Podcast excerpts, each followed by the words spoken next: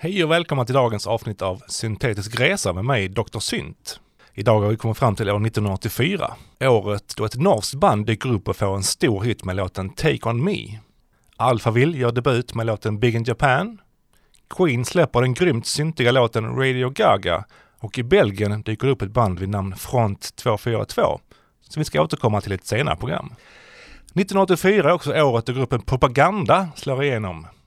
Gruppen bildades i Düsseldorf, Västtyskland 1982 av Ralf Dörper, Susanne Freitag, Claudia Brücken och Mikael Mertens. Gruppen flyttar så småningom till England och släpper singeln Dr. Mabuse, som är namngiven efter Fritz Langs film med samma namn.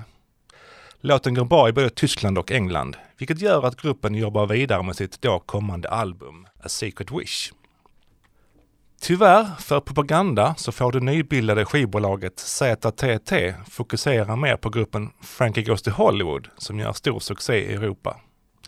Men till slut så kommer dock låten Jewel ut på marknaden och blir deras största hit hittills med en 21 placering i England.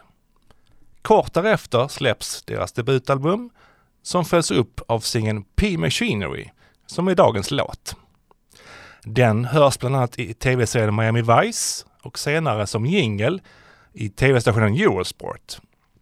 Låten blev en stor hit i Italien, Frankrike, Tyskland, Nederländerna och Schweiz.